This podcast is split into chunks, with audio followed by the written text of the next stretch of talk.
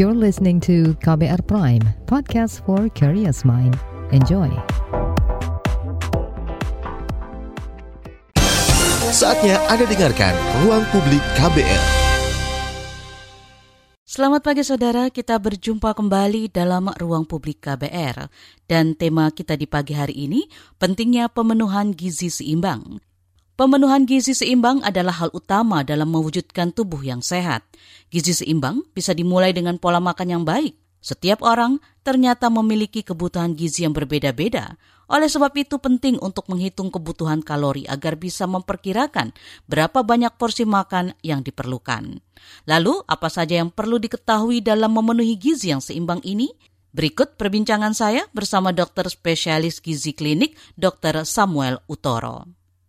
Dokter, pemenuhan gizi kan menjadi salah satu yang utama dalam kehidupan. Tapi sebelum kita berbincang lebih jauh, dokter, walaupun mungkin pendengar KBR sudah sering kali mendengar penjelasan atau membaca, tapi boleh dijelaskan kembali, dokter, apa itu yang dimaksud dengan gizi seimbang itu, dokter? Orang terus berpikir kalau mau hidup sehat itu gizi seimbang, gizinya yang mahal-mahal, makanannya enggak, makanan sehari-hari kita. Jadi gini, yang penting memenuhi prinsip seimbang tadi. Apa maksudnya seimbang? Nah, maksudnya seimbang pertama dari aspek jumlah. Jumlahnya itu seimbang. Yang kita makan harus sesuai dengan yang kita keluarkan. Nah, apa nih maksudnya?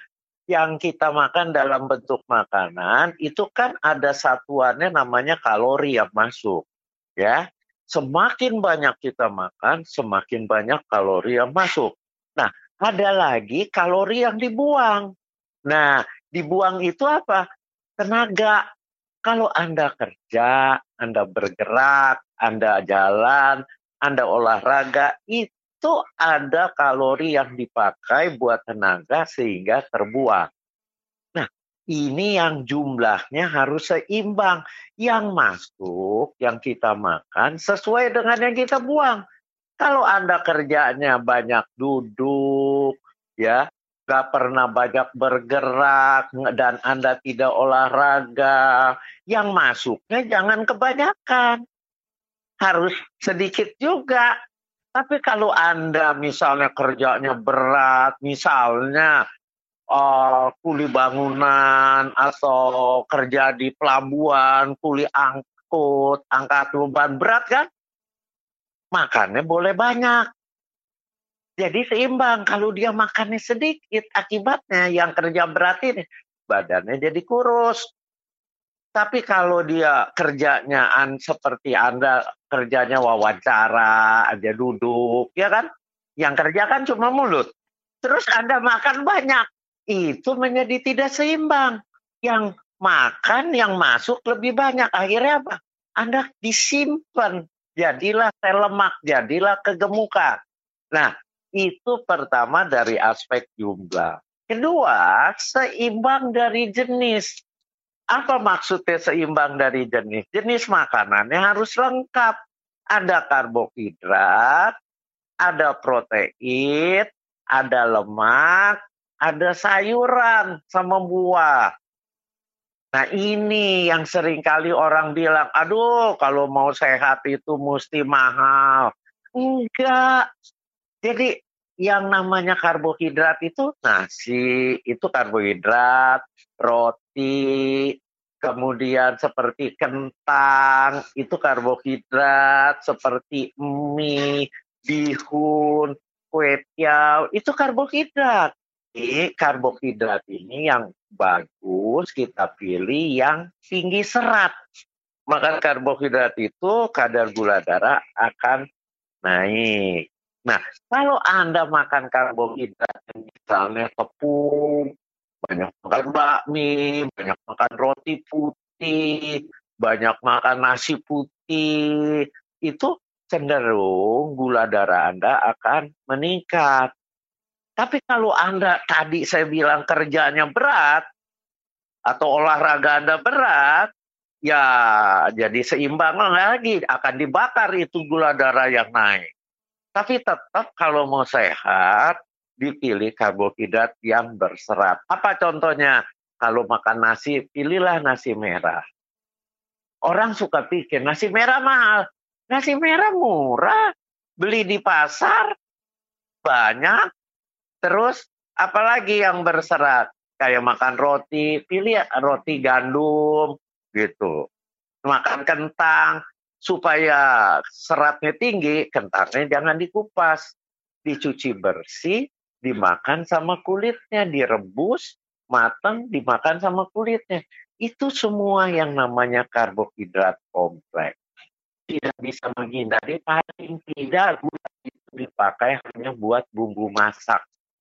Bukan buat dicampur di minuman. Anda makan kue yang gulanya banyak, itu jangan. Itu menjadi tidak sehat itu karbohidrat. Kemudian bahan makanan harus mengandung apa? Protein. Protein itu ada protein hewani, ada protein nabati. Protein hewani apa? Ada ikan, ada ayam, ada putih telur, ya. Kemudian ada lagi daging, daging tapi kalau daging merah ya jangan terlalu sering.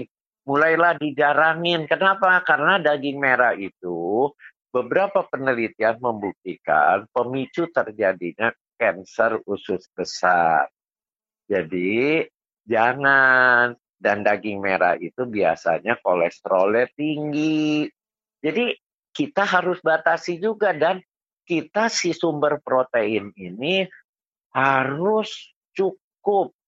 Artinya setiap kali makan harus ada makanan proteinnya yang tadi saya sudah sebutkan sumber protein ya. Tahu, tempe itu sumber protein. Nah, ini yang suka dibilang lagi, aduh mahal. Ya jangan nyari sumber protein yang mahal dong. Jangan cari ikan salmon dong. Kenapa nggak cari ikan kembung, ikan teri? Itu kan murah semua, ikan selar. Itu kan sehat, murah. Nah, kemudian lemak. Lemak harus gimana? lemak yang sehat. Lemak sehat itu apa? Lemak sehat itu bukan lemak yang jahat. Lemak jahat apa? Gorengan. Kemudian daging yang berlemak, ya. Itu lemak-lemak jahat. Santan. Itu lemak jahat semua. Nah, lemak yang sehat itu apa? lemak sehat itu asam lemak omega 3. Adanya di mana? Di ikan sekalian perbanyak makan ikan protein kualitas baik, lemaknya sehat karena mengandung omega 3. Gak perlu kita beli ikan salmon, ikan tuna yang mahal. ya Ikan gindara. Ikan apa? Selar, ikan kembung, ikan itu bagus. Bahkan kalau ada hobi ikan teri bagus sekali. Karena ikan teri itu tinggi kalsium kan kan ikan teri kan dimakan sama tulang-tulangnya kan. Mana ada orang makan ikan teri di tuilin dagingnya aja. Nah, jadi itu ikan teri proteinnya bagus, lemaknya minyaknya bagus, kalsiumnya tinggi, bagus, murah juga. Kemudian perbanyak makan buah dan sayur, serat. Orang bilang, aduh mahal beli buah ya jangan belinya anggur, apel yang mahal-mahal, buah kiwi. Jangan apa?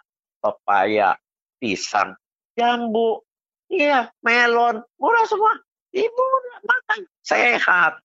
Itu sayur, perbanyak makan sayur, seratnya tinggi, penyerapan gula, penyerapan akan diganggu. Kenapa? Karena serat itu mengganggu penyerapan makanan kita. Kalau penyerapan gula, penyerapan lemak, kolesterolnya pelan-pelan rendah, akhirnya Anda semua akan sehat. Dan ingat pesan saya lagi, diet seimbang tidak cukup kalau Anda makan tinggi garam. Jadi jangan jangan terlalu banyak. Saya tidak ekstrim, tidak bilang gak boleh makan garam. Hambar, hidup apa artinya kalau hambar? Makan garam, tapi jangan berlebihan. Itu yang namanya seimbang.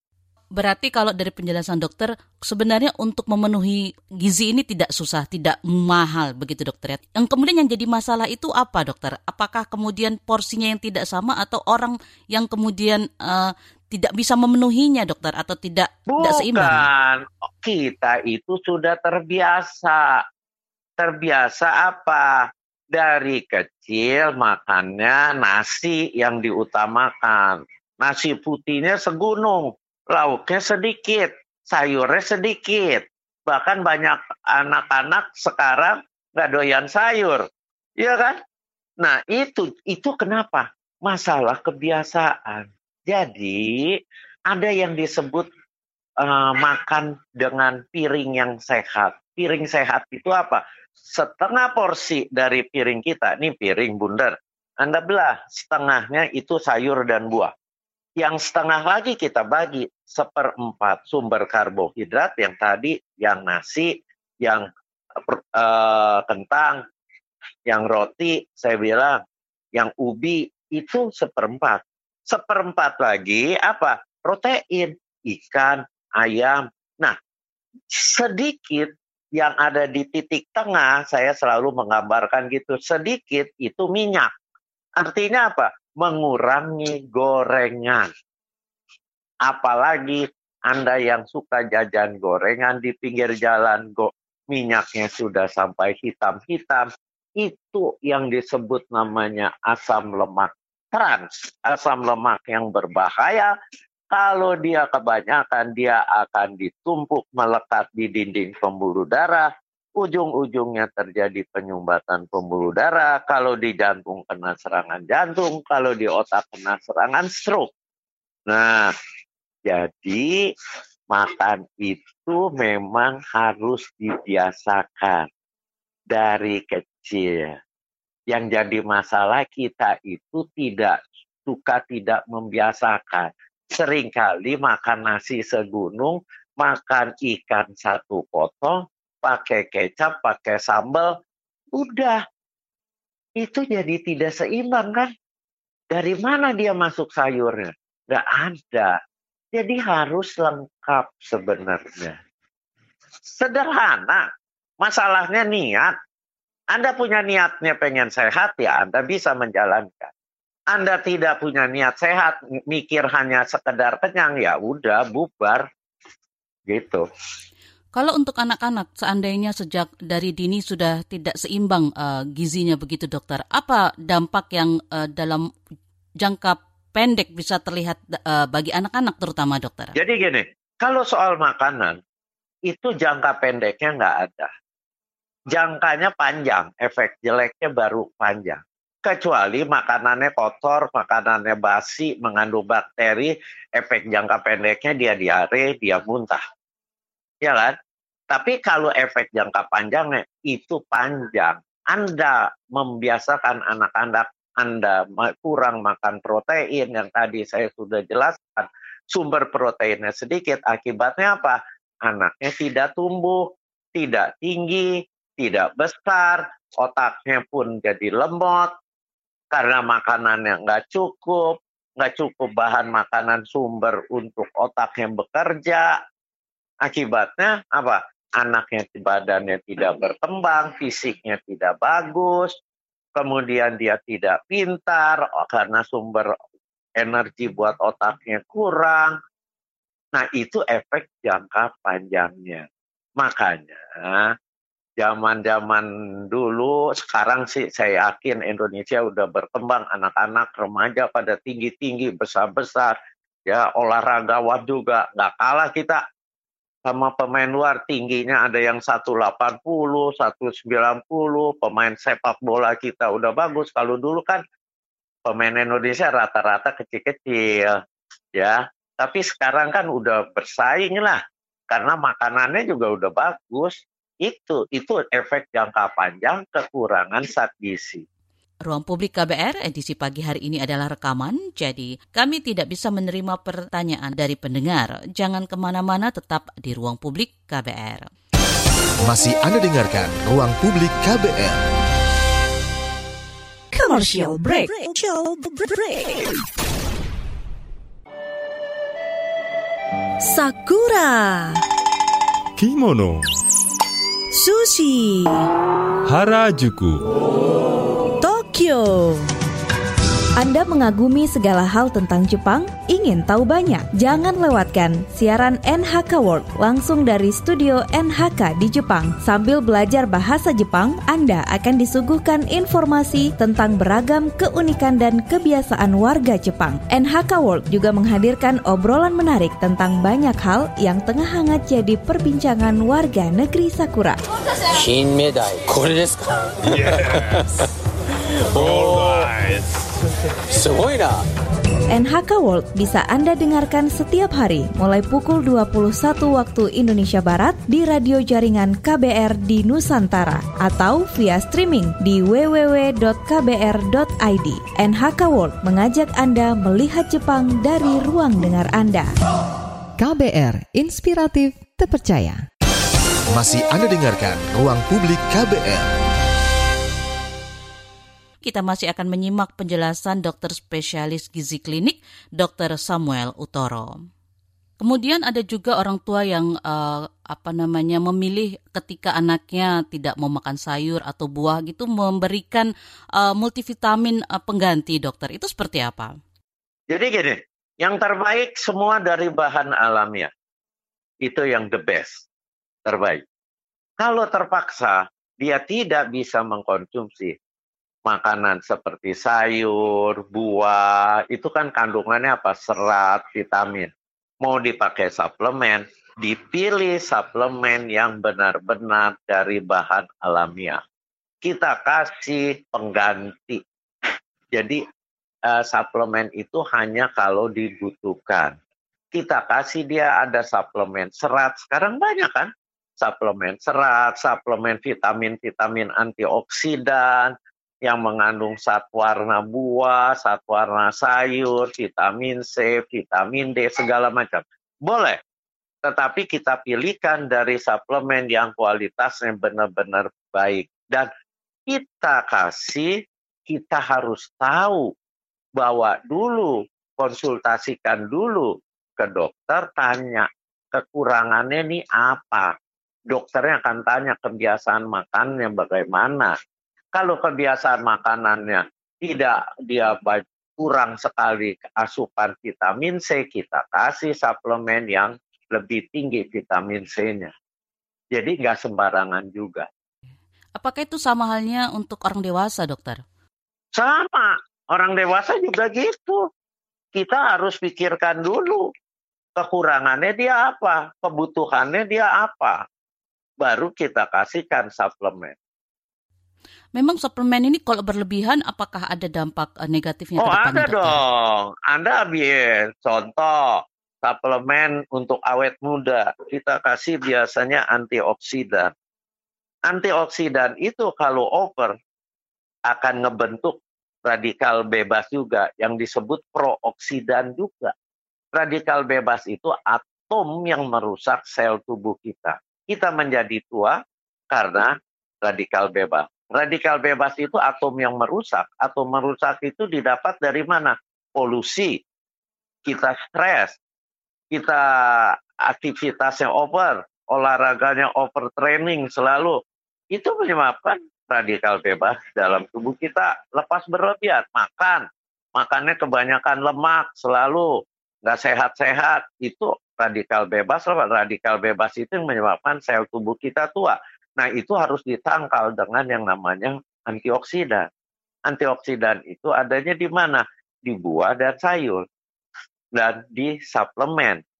Tapi kalau antioksidannya kita makan kebanyakan, itu justru akan melepaskan radikal bebas baru. Jadi jangan sembarangan juga Apakah itu juga termasuk ketika ketika pandemi ini kan uh, banyak juga orang yang mengkonsumsi minyak ikan misalnya dokter untuk menambah uh, daya tahan tubuh. Apakah itu juga berlaku hal yang sama bila berlebihan dokter? Ya mesti diatur, jumlahnya harus benar. Tanya ke dokter yang mengerti hal ini. Jangan hantem aja semua. Sekarang kan lagi musim nih vitamin C, vitamin D, vitamin E, kemudian uh, fish oil, beta karotin, segala vitamin, minyak ikan, EPA, DHA, itu juga semua ada takarannya. Dan kita lihat dan ada hati-hati, ada efek sampingnya juga. Contoh yang sederhana, minyak ikan. Omega 3. Omega 3 itu memang bagus. Untuk kebutuhan tiap orang berbeda. Kebutuhan penyakit tertentu berbeda. Tapi hati-hati, ada efek sampingnya juga. Apa? Dia akan mengencerkan darah. Kalau darahnya terlalu encer, akan mudah terjadi perdarahan. Jadi ya hati-hatilah memilih suplemen itu sesuaikan dengan kebutuhan. Dokter, terkait fakta dan mitos terkait uh, gizi dan makanan ini, dokter, apa yang mungkin ada dokter masih temukan dan masih uh, masih dipercaya oleh masyarakat, tapi sebenarnya itu semacam mitos atau uh, tidak benar, begitu, dokter? Uh, uh, banyak yang fakta dan mitos soal makanan, ya. Nah, itu mesti ditanyakan ke yang mengerti. Tanya ke dokter Anda yang mengerti, terutama dokter-dokter gizi yang mempelajari itu, fakta dan mitos soal makanan, yang katanya kalau makan satu jenis makanan bisa jadi apa kuat, itu mesti ditanyakan. Belum tentu, tapi ada satu hukum yang ingin saya sampaikan, makanan itu tidak ada yang dimakan langsung memberikan efek. Kalau satu makanan dijual, Anda beli, makan langsung memberikan efek, itu pasti mengandung zat obat tertentu. Ya, makanan itu efeknya jangka panjang. Kecuali Anda minum kopi, mengandung kafein. Begitu minum, Anda jadi segar. Iya, segar. Pasti. Kalau kopi, kopi, teh, coklat itu seperti itu. Tapi yang namanya makanan jangan pernah percaya kalau dibilang, eh makan ini, Anda jadi sehat, jadi segar, jadi kuat, jadi bergairah. Nggak mungkin. Makanan itu efeknya jangka panjang. Itu hukum alamnya seperti itu. Nah, menyinggung kopi, dokter, kan juga uh, masih banyak uh, masyarakat yang setelah makan minum kopi, minum teh, uh, teh tawar, teh manis begitu. Itu sebenarnya kebiasaan yang seperti apa? Apakah itu oke, okay, dokter? Gak apa-apa, oke, okay, tapi jangan teh manis, jangan kopi pakai gula. Kenapa? Karena Anda habis makan udah masuk karbohidrat. Ditambahin lagi gula. Gula karbohidrat sederhana yang tadi saya bilang kadar gula darah akan naik secara cepat. Jangan ujung-ujungnya Anda kelebihan karbohidrat. Jangan. Nah, kalau terkait dengan diet, dokter, kan saat ini banyak sekali dikenalkan uh, berbagai jenis uh, tipe diet, begitu ya, seperti diet keto, diet rendah lemak, diet rendah karbo, begitu. Nah, uh, seperti apa Anda melihat berbagai jenis diet-diet ini, dokter? Itu sebenarnya di sebenarnya digolongkan namanya diet populer. Diet populer itu apa? Biar dia jadi populer laku dilakukan oleh banyak orang. Diet yang paling aman itu lakukan diet seimbang yang tadi saya sudah jelaskan.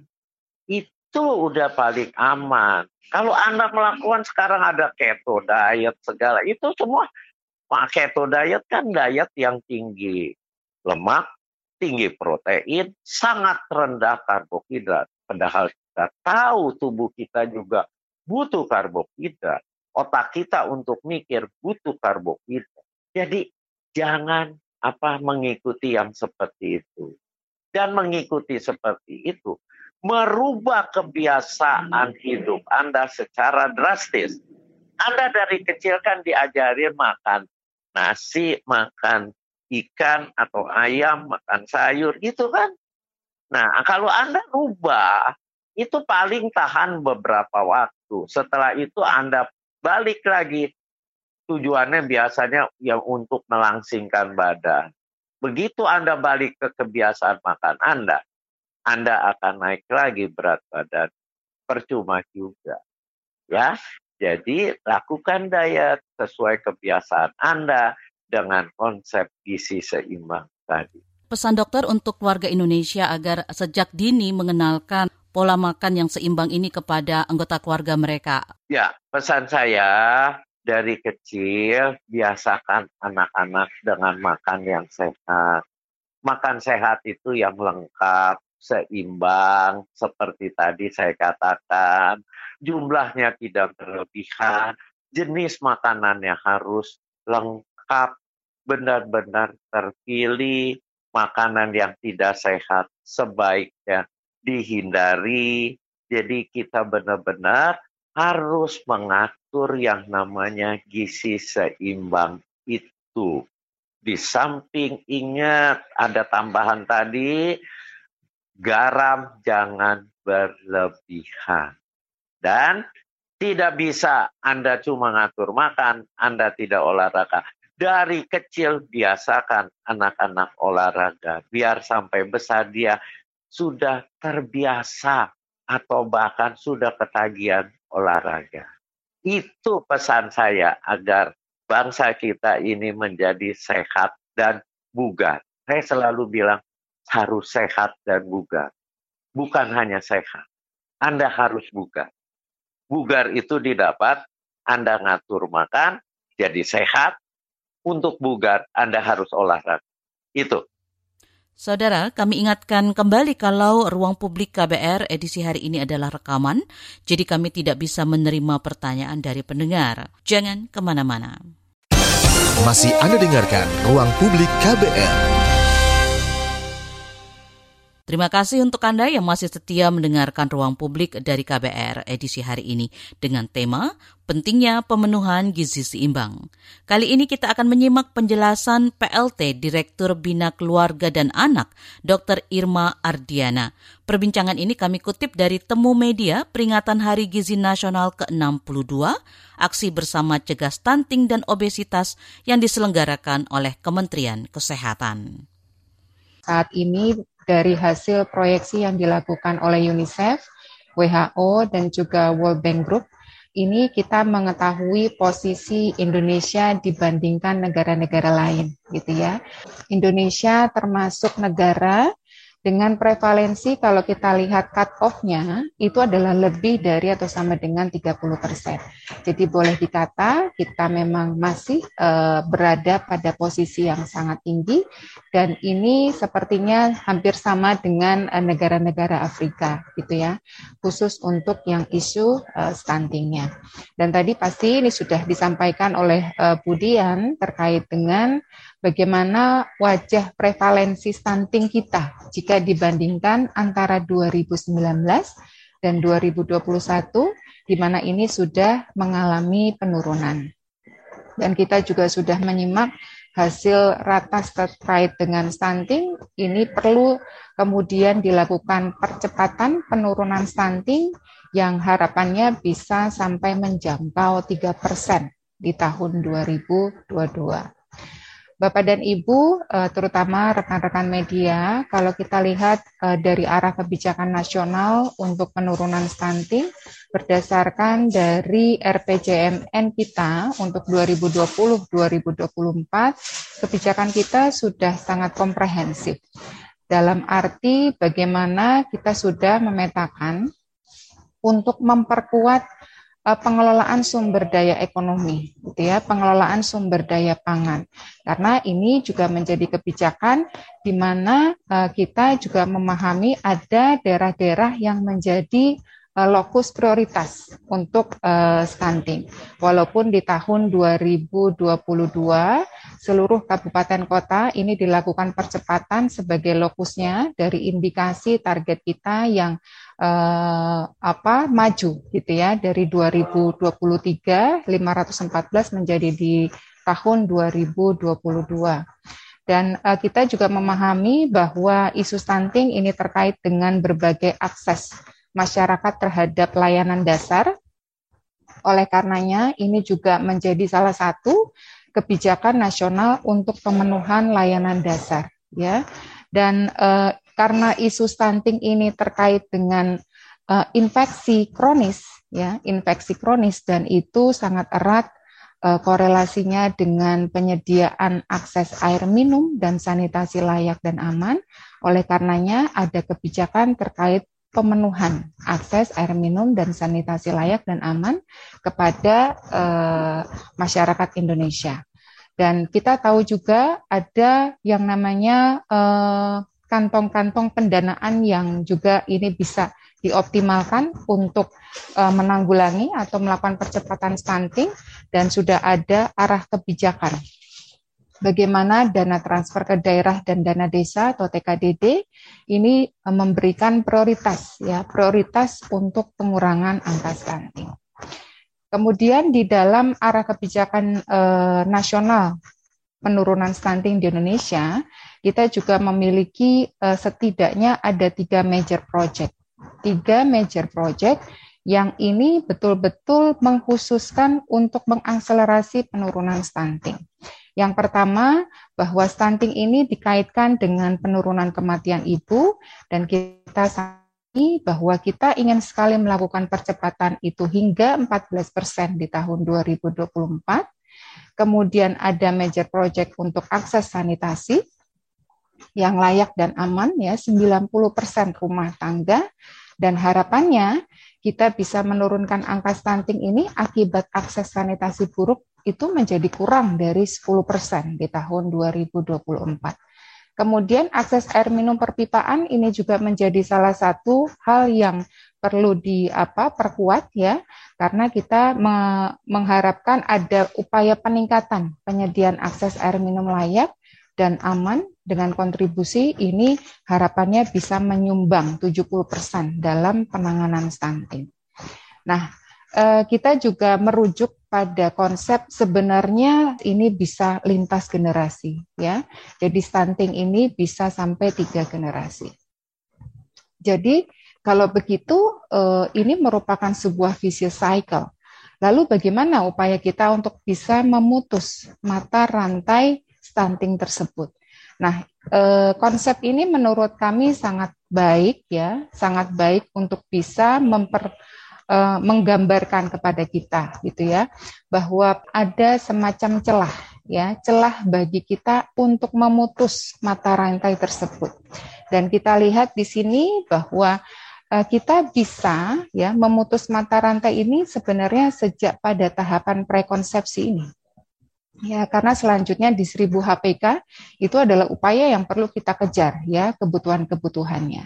Nah, oleh karenanya kita melihat bahwa untuk melakukan percepatan penurunan stunting sangat perlu investasi kita sejak pada prekonsepsi, sejak pada calon-calon pengantin sebelum menikah. Nah, oleh karenanya di dalam peraturan Presiden 72 2021 itu tentang uh, percepatan penurunan stunting, kita melihat ada enam tujuan dari Perpres ini. Memang satu untuk menurunkan prevalensi stunting, Kemudian yang kedua, karena kita ingin sekali pendekatannya ke pendekatan hulu, jadi bagaimana bisa mencegah lahirnya balita stunting baru, maka dengan e, merujuk pada konsep tadi, perlu sekali kita menekankan pada isu kualitas penyiapan kehidupan berkeluarga. Bagaimana sejak dari calon pengantin kita pastikan kondisi fisiknya, ya, biologisnya, kemudian uh, psikologinya ini sudah siap ya kemudian bagaimana mereka bisa merencanakan kapan berapa banyak mereka ingin memiliki anak gitu ya. Jadi ini masuk dalam konsep penyiapan kehidupan berkeluarga. Lalu tentu tidak lupa pasti ini ada tentang isu asupan gizi kemudian pola asuh ya pola asuh. Karena ini penting sekali pola asuh ini ketika kita melihat dari framework yang disampaikan oleh Pak Pungkas, sebenarnya stunting ini bermuara dari immediate cause itu dua hal.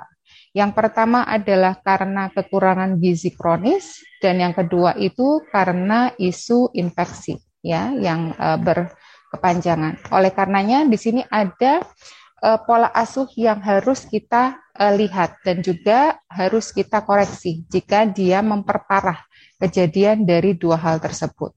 Kemudian tentu karena ini isunya juga ada isu tentang kesehatan, maka kita perlu meningkatkan akses dan kualitas pelayanan kesehatan kita, termasuk bagaimana mengurangi risiko keterpaparan terhadap infeksi dengan meningkatkan akses air minum dan sanitasi. Jadi pemerintah eh, telah menetapkan ada lima pilar untuk percepatan penurunan stunting dan kami yakini pilar ke satu dan pilar keempat ini masih sesuai dengan Seranas 2018-2024. Hanya saja ada eh, penyesuaian terhadap pilar kelima. Jadi pilar kelima ini kita ingin sekali memperkuat sistem data, informasi, riset, dan inovasi. Jadi ini menaungi kebutuhan kita, bagaimana kita dengan sumber daya yang ada bisa melakukan terobosan, bisa melakukan inovasi untuk melakukan percepatan, gitu ya. Karena kita memahami benchmarking yang ada di eh, negara-negara tertentu sebenarnya mereka berhasil ya dengan kondisi mereka masing-masing itu menurunkan angka stunting yang luar biasa, ya. Lalu di dalam pilar ini penerjemahannya adalah di dalam rencana aksi nasional. Nah, rencana aksi nasional ini pendekatannya adalah pada pendekatan keluarga berisiko karena kita ingin sekali menekankan pada aspek hulunya. Melalui apa? Jadi di sini melalui pertama adalah data, penyediaan data keluarga berisiko, kemudian kita melakukan pendampingan keluarga berisiko tersebut, dan khusus untuk calon pengantin dan calon pus karena kita ingin memutus mata rantai sejak dari prekonsepsi, harapannya ini kita bisa melakukan pendampingan semua calon pengantin dan calon pus, kemudian melakukan surveillance, surveillance keluarga berisiko stunting ini tentu dilakukan uh, bersama dengan kader dan juga puskesmas di bawah, lalu melakukan audit kasus stunting. Nah, lalu e, pertanyaannya adalah bagaimana upaya kita untuk bisa melakukan percepatan tersebut. Jadi di sini dalam hal penyediaan data, di dalam peraturan presiden kita telah e, memilah gitu ya, memilah data-data mana, data-data apa yang sekiranya ini harus dipegang oleh kader dan juga oleh uh, puskesmas kita ya. Jadi yang bekerja di wilayah uh, desa maupun kecamatan. Yang pertama adalah uh, kita ingin sekali dilakukan atau menyediakan penapisan kesehatan reproduksi bagi calon pengantin atau calon pus yang memang dia sudah kita tapis tiga bulan sebelum menikah gitu ya. Jadi tiga bulan sebelum menikah ini kita ingin sekali melihat kondisi antropometrinya dan juga uh, status HB-nya, hemoglobinnya. Lalu untuk ibu hamil kita punya uh, datanya dan ini sangat uh, baik sekali untuk bisa kita intervensi memastikan ibu hamil ini melakukan kunjungan antenatal care secara uh, rutin. Kemudian penapisan keluarga terhadap ketersediaan pangan, pola makan, dan juga asupan gizi. Nah ini kita harapannya bisa menyediakan datanya. Dan untuk penyediaan data ketujuh ini, kita sementara mengoptimalkan data yang sudah dikeluarkan, yang sudah kita launch dari BKKBN, itu adalah pendataan keluarga 2021, Pendataan keluarga adalah data mikro yang bisa memetakan keluarga berisiko stunting dan ini bisa dimiliki oleh eh, teman-teman uh, uh, kader di bawah karena datanya uh, yang mengumpulkan adalah para kader ya. Jadi kader memahami betul situasi yang ada di wilayah mereka masing-masing. Kembali kami ingatkan, ruang publik KBR edisi hari ini adalah rekaman, jadi kami tidak bisa menerima pertanyaan dari pendengar. Tetaplah bersama kami. Masih Anda dengarkan Ruang Publik KBR. Commercial break. Commercial break.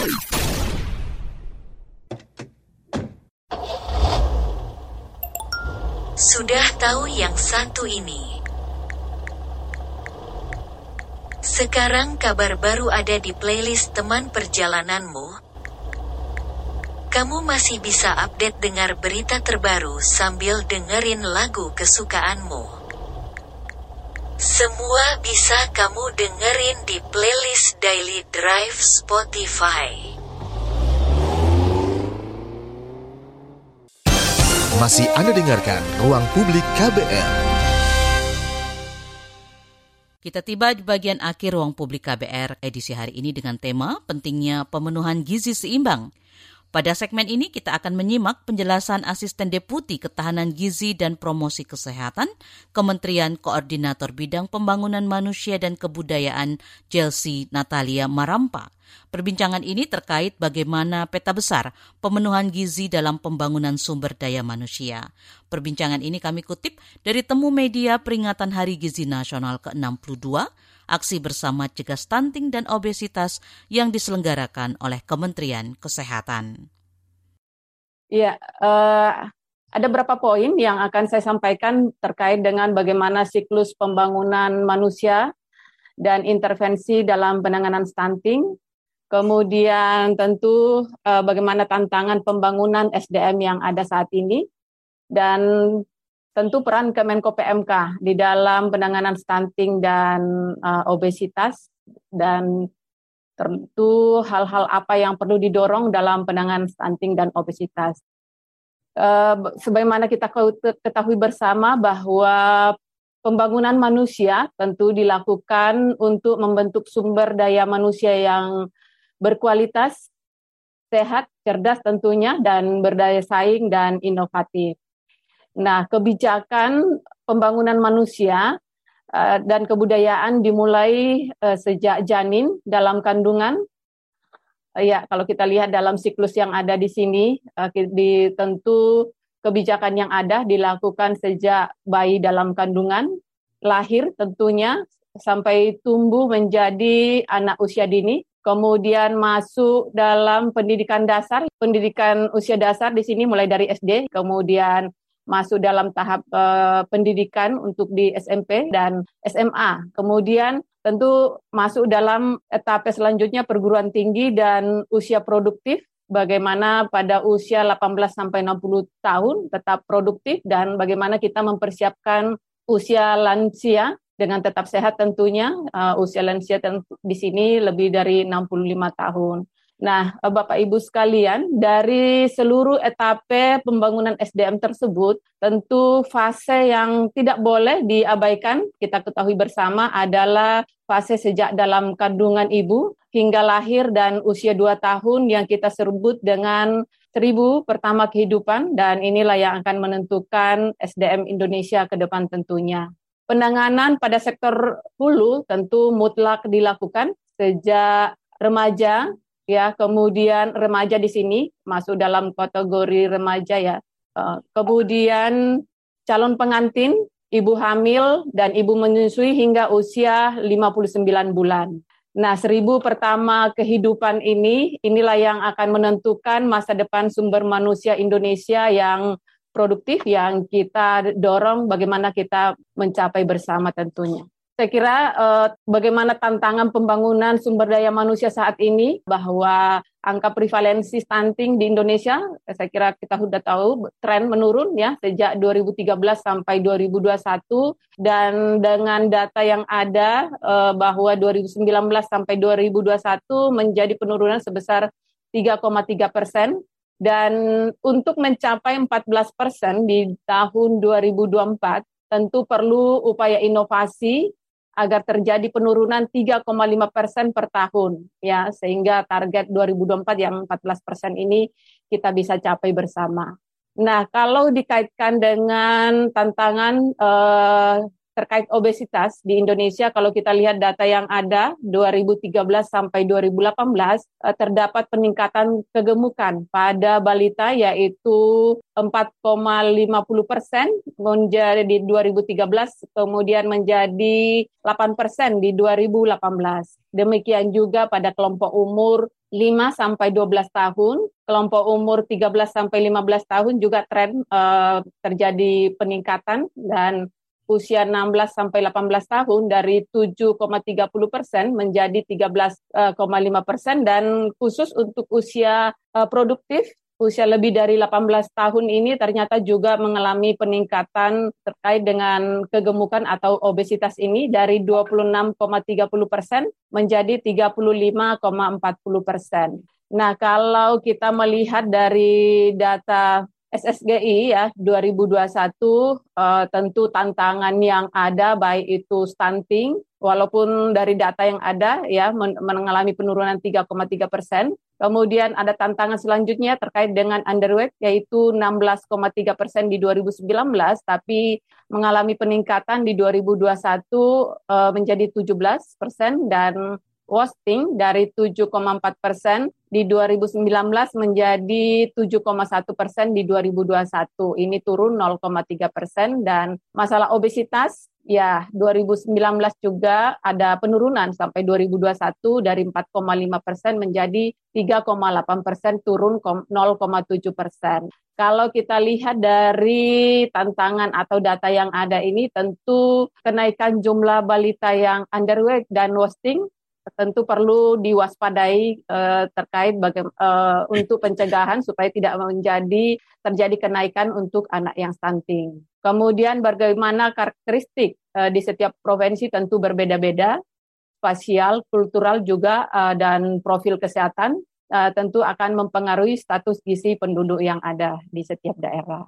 Nah, kalau kita melihat kepada data uh, Global Burden Disease 2019 terkait uh, dengan obesitas tentu di sini ada 10 peringkat teratas penyebab utama kematian. Kita lihat yang pertama adalah uh, tekanan darah tinggi 23,8 persen dan yang terkait dengan obesitas di sini adalah dietary risk yaitu 21,0 persen. Uh, Bapak Ibu sekalian, tentu bagaimana peran Kemenko PMK uh, di dalam mengkoordinasikan kementerian dan lembaga, kalau kita lihat dari amanat Pepres 35 eh, tahun 2020 di pasal 4 bahwa Kementerian Koordinator Bidang Pembangunan Manusia dan Kebudayaan mengkoordinasikan tujuh kementerian.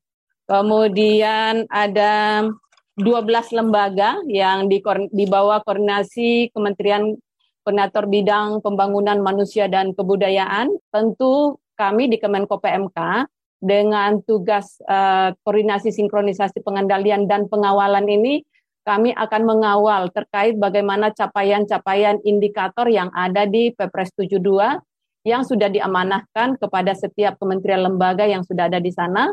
Kemudian juga terkait dengan indikator-indikator capaian dari pemerintah daerah.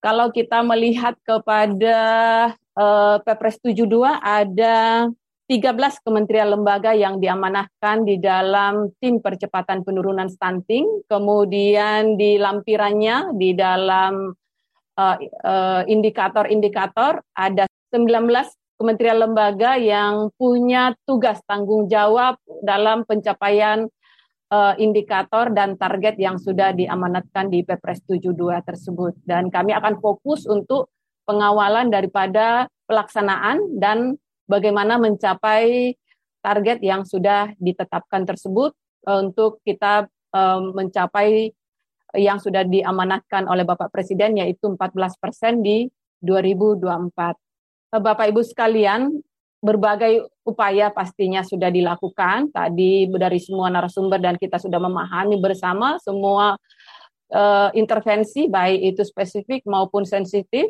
dan juga dengan lima pilar strategi yang sudah ada, sudah dilakukan tentunya, namun kita harus memahami, menyadari bersama bahwa di lapangan masih ada berapa permasalahan-permasalahan yang terjadi. Jadi kami tidak hanya koordinasi antar kementerian lembaga, tapi juga kami memotret kondisi apa adanya yang ada di di lapangan dari berapa uh, evaluasi yang kami lakukan bahwa masih ada penyebab tingginya stunting di daerah karena kurangnya asupan gizi pada anak. Saya kira kita sudah paham bersama ini.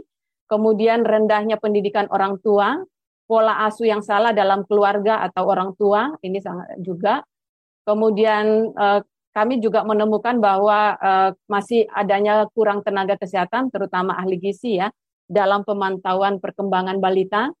Dan kita melihat untuk khususnya untuk daerah-daerah yang prioritas stunting dan 3T, cakupan akses air minum yang layak dan juga sanitasi yang layak itu yang sampai ke tingkat rumah tangga masih perlu uh, ditingkatkan bagaimana supaya rumah tangga rumah tangga tadi terakses uh, air minum yang layak dan bagaimana supaya aman tentunya dan mungkin juga dengan sanitasi yang layak.